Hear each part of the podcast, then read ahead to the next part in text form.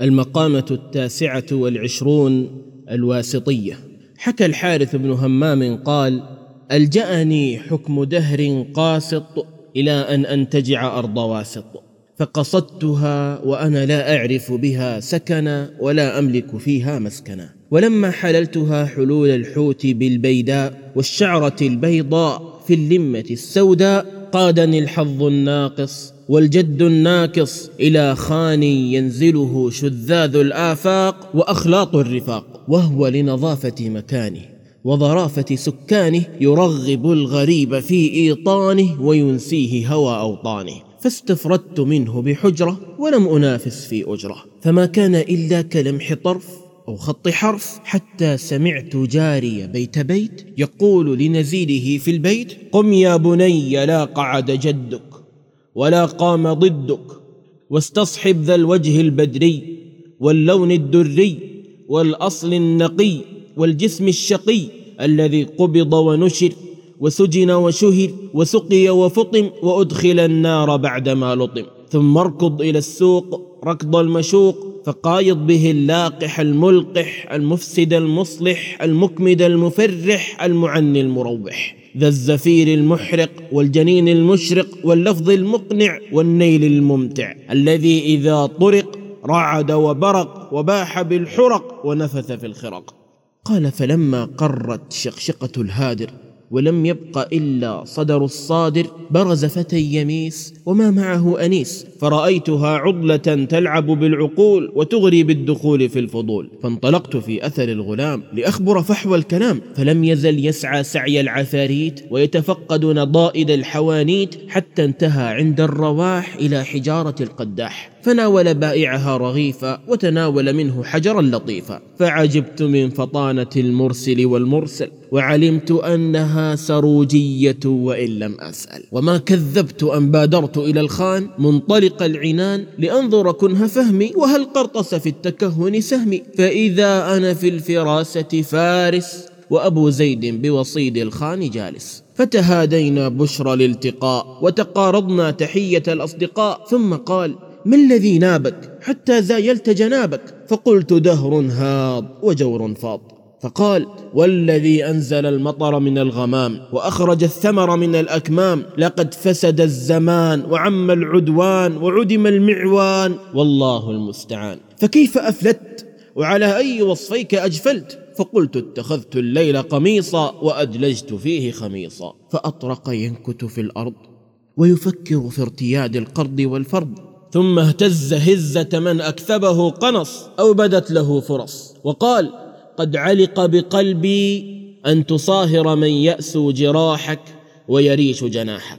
فقلت وكيف أجمع بين غل وقل؟ ومن الذي يرغب في ضل ابن ضل؟ فقال أنا المشير بك وإليك. والوكيل لك وعليك. مع أن دين القوم جبر الكثير وفك الأسير واحترام العشير واستنصاح المشير. إلا أنهم لو خطب إليهم إبراهيم بن أدهم أو جبلة بن الأيهم لما زوجوه إلا على خمسمائة درهم اقتداء بما مهر الرسول صلى الله عليه وسلم زوجاته وعقد به أنكحة بناته. على أنك لن تطالب بصداق ولا تلجأ إلى طلاق. ثم إني سأخطب في موقف عقدك ومجمع حشدك خطبة لم تفتق رتق سمع ولا خطب بمثلها في جمع. قال الحارث بن همام فازدهاني بوصف الخطبة المتلوة دون الخطبة المجلوة حتى قلت له قد وكلت إليك هذا الخطب فدبره تدبير من طب لمن حب.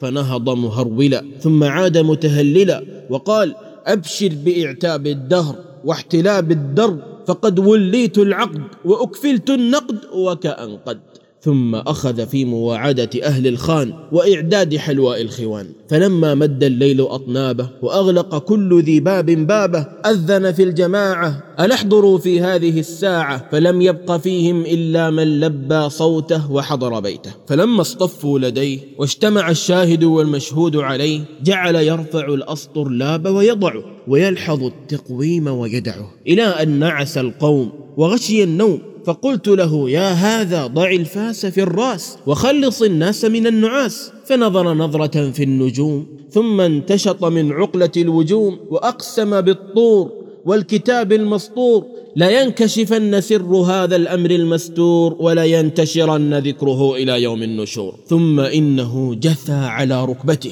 واسترعى الأسماع لخطبته وقال الحمد لله الملك المحمود المالك الودود مصور كل مولود ومآل كل مطرود ساطح المهاد وموطد الأطواد ومرسل الأمطار ومسهل الأوطار. عالم الأسرار ومدركها ومدمر الأملاك ومهلكها ومكور الدهور ومكررها ومورد الأمور ومصدرها. عم سماحه وكمل وهطل ركامه وهمل وطاوع السؤل والأمل وأوسع المرمل والأرمل. أحمده حمدا ممدودا مداه. وأوحده كما وحده الأواه وهو الله لا إله للأمم سواه ولا صادع لما عد له وسواه. أرسل محمدا علما للإسلام واماما للحكام ومسددا للرعاع ومعطلا أحكام ود وسواع. أعلم وعلم وحكم وأحكم وأصل الأصول ومهد وأكد الوعود وأوعد. واصل الله له الإكرام وأودع روحه دار السلام ورحم آله وأهله الكرام ما لمع آل وملع رال وطلع هلال وسمع إهلال. اعملوا رعاكم الله أصلح الأعمال واسلكوا مسالك الحلال واطرحوا الحرام ودعوه واسمعوا أمر الله وعوه وصلوا الارحام وراعوها وعاصوا الاهواء واردعوها وصاهروا لحم الصلاح والورع وصارموا رهط اللهو والطمع ومصاهركم اطهر الاحرار مولدا واسراهم سؤددا واحلاهم موردا وأصحهم موعدا. وها هو أمكم وحل حرمكم مملكا عروسكم المكرمة وماهرا لها كما مهر الرسول أم سلمة. وهو أكرم صهر أودع الأولاد وملك ما أراد وما سها مملكه ولا وهم ولا وكس ملاحمه ولا وصم. أسأل الله لكم إحماد وصاله ودوام إسعاده وألهم كلا إصلاح حاله والإعداد لمعاده وله الحمد السرمد والمدح لرسوله محمد. فلما فرغ من خطبته البديعة النظام العرية من الإعجام عقد العقد على الخمس المئين وقال لي بالرفاء والبنين ثم أحضر الحلواء التي كان أعدها وأبدى الآبدة عندها فأقبلت إقبال الجماعة عليها وكدت أهوي بيدي إليها فزجرني عن المؤاكلة وأنهضني للمناولة فوالله ما كان بأسرع من تصافح الأجفان حتى حتى خر القوم للأذقان. فلما رأيتهم كأعجاز نخل خاوية أو كصرعى بنت خابية علمت إنها لإحدى الكبر وأم العبر. فقلت له يا عدي نفسي وعبيد فلسي أعددت للقوم حلوى أم بلوى فقال لم أعد خبيص البنج في صحاف الخلنج. فقلت أقسم بمن أطلعها زهرا وهدى بها السارين طرا لقد جئت شيئا نكرا وأبقيت لك في المخزيات ذكرا. ثم حرت فكرة في صيور أمره وخيفة من عدوى عره حتى طارت نفسي شعاعا وأرعدت فرائص ارتياعا. فلما رأى استطارة فرقي واستشاطة قلقي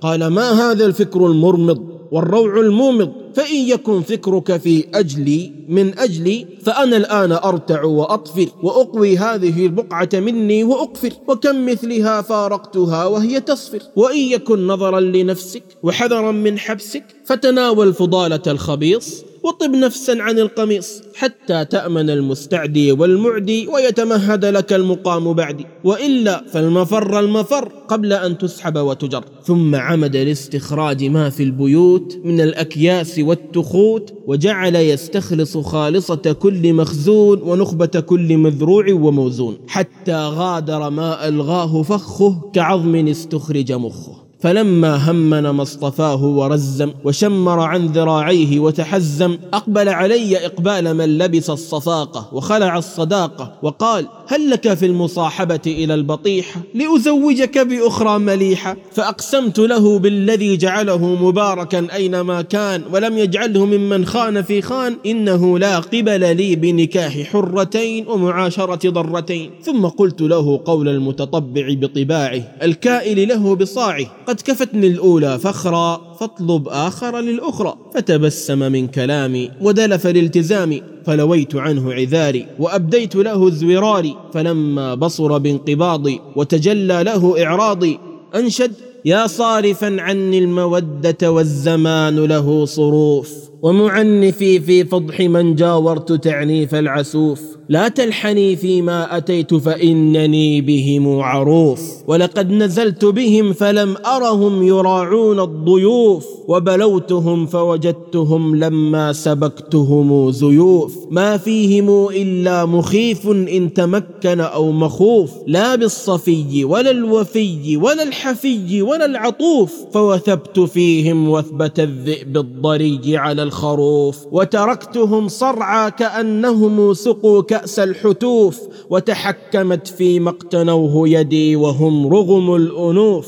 ثم انثنيت بمغنم حلو المجاني والقطوف ولطالما خلفت مكلوم الحشا خلفي يطوف. ووترت أرباب الأرائك والدرانك والسجوف ولكم بلغت بحيلتي ما ليس يبلغ بالسيوف. ووقفت في هول تراع الأسد فيه من الوقوف. ولكم سفكت وكم فتكت وكم هتكت حمى أنوف وكم ارتكاض موبق لي في الذنوب وكم خفوف لكنني أعددت حسن الظن بالمولى الرؤوف قال فلما انتهى إلى هذا البيت لج في الاستعبار وألظ بالاستغفار حتى استمال هوى قلب المنحرف. ورجوت له ما يرجى للمقترف المعترف ثم إنه غيض دمعه المنهل وتأبط جرابه وانسل وقال لابنه احتمل الباقي والله الواقي. قال المخبر بهذه الحكاية فلما رأيت انسياب الحية والحيية وانتهاء الداء إلى الكية علمت أن تربثي بالخان مجلبة للهوان فضممت رحيلي وجمعت للرحلة ذيلي وبت ليلتي أسري إلى الطيب وأحتسب الله على الخطيب.